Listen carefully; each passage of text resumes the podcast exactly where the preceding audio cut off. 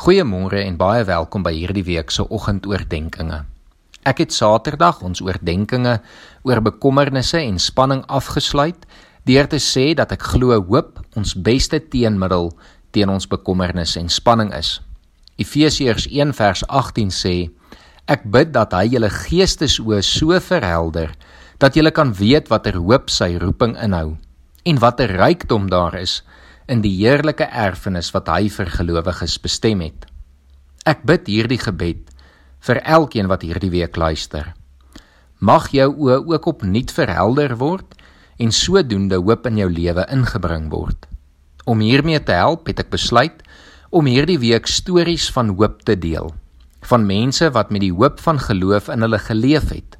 Ek hoop hierdie stories, sommige uit die Bybel en ander meer modern, help jou om hierdie week weer opnuut hoopvol te wees.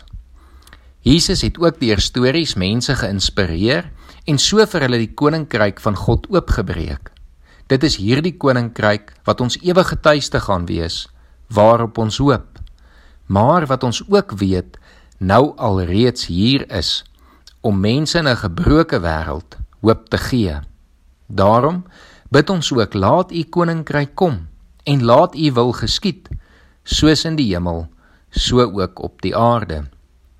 En dan doen ons alles wat ons kan doen om dit nou alreeds rondom ons 'n werklikheid te maak.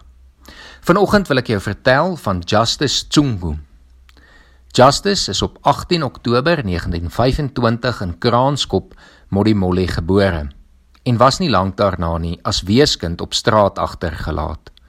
Om op straat te oorleef het hy gesteel. Maar sy hele lewe is verander toe hy eendag by 'n Christen gesteel het.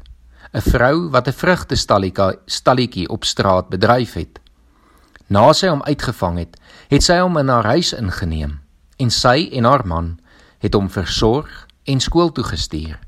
Hy het gematrikuleer en gaan studeer. 'n Onderwyser geword en later selfs 'n skoolhoof. Hy was egter nog nie hiervoor beroemd nie, maar word eers bekend toe hy radio-omroeper en televisiepersoonlikheid geword het. Hy was die eerste swart Suid-Afrikaner wat Afrikaans oor die radio gepraat het. Hy is in 1960 as omroeper by die SAIK se Noord-Sotho diens aangestel. Later is hy tot senior openbare skakelbeampte van die Sotho en Nguni dienste van die SAIK bevorder. Ongelukkig is Justice 2 jaar terug oorlede na 'n sinvolle en 'n betekenisvolle lewe. Maar wat sou sy lewe gewees het as 'n gelowige nie besluit het om hom uit sy nood te help nie? Sou hy dalk van straatkind en straatdief gevorder het om maar net nog 'n misdadiger in Suid-Afrika te wees? Waarskynlik ja. Maar sy lewe en as gevolg daarvan soveel ander se lewens is verander. En dit is hoe God se koninkryk kan kom wanneer gelowiges in nood optree. Mag dit jou vandag inspireer om weer eens mense in nood by te staan, om die hoop wat in ons leef en die koninkryk waarin ons verbonde is met hierdie wêreld te deel. Stefan Joubert skryf en sê die koninkryk van God kan net kom daar waar die koninkryk nog nie is nie. Daarom moet ons as gelowiges uitgaan daar waar die koninkryk nog nie is nie. As ons bid, laat die koninkryk kom, moet ons ook beweeg na die dele waar dit nodig is.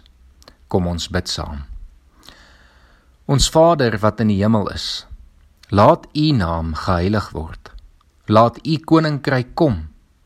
Laat U wil ook op die aarde geskied, net soos in die hemel. Gee ons vandag ons daaglikse brood en vergeef ons ons oortredings soos ons ook die vergewe wat teen ons oortree. En laat ons nie in die versoeking kom nie maar verlos ons van die bose. Amen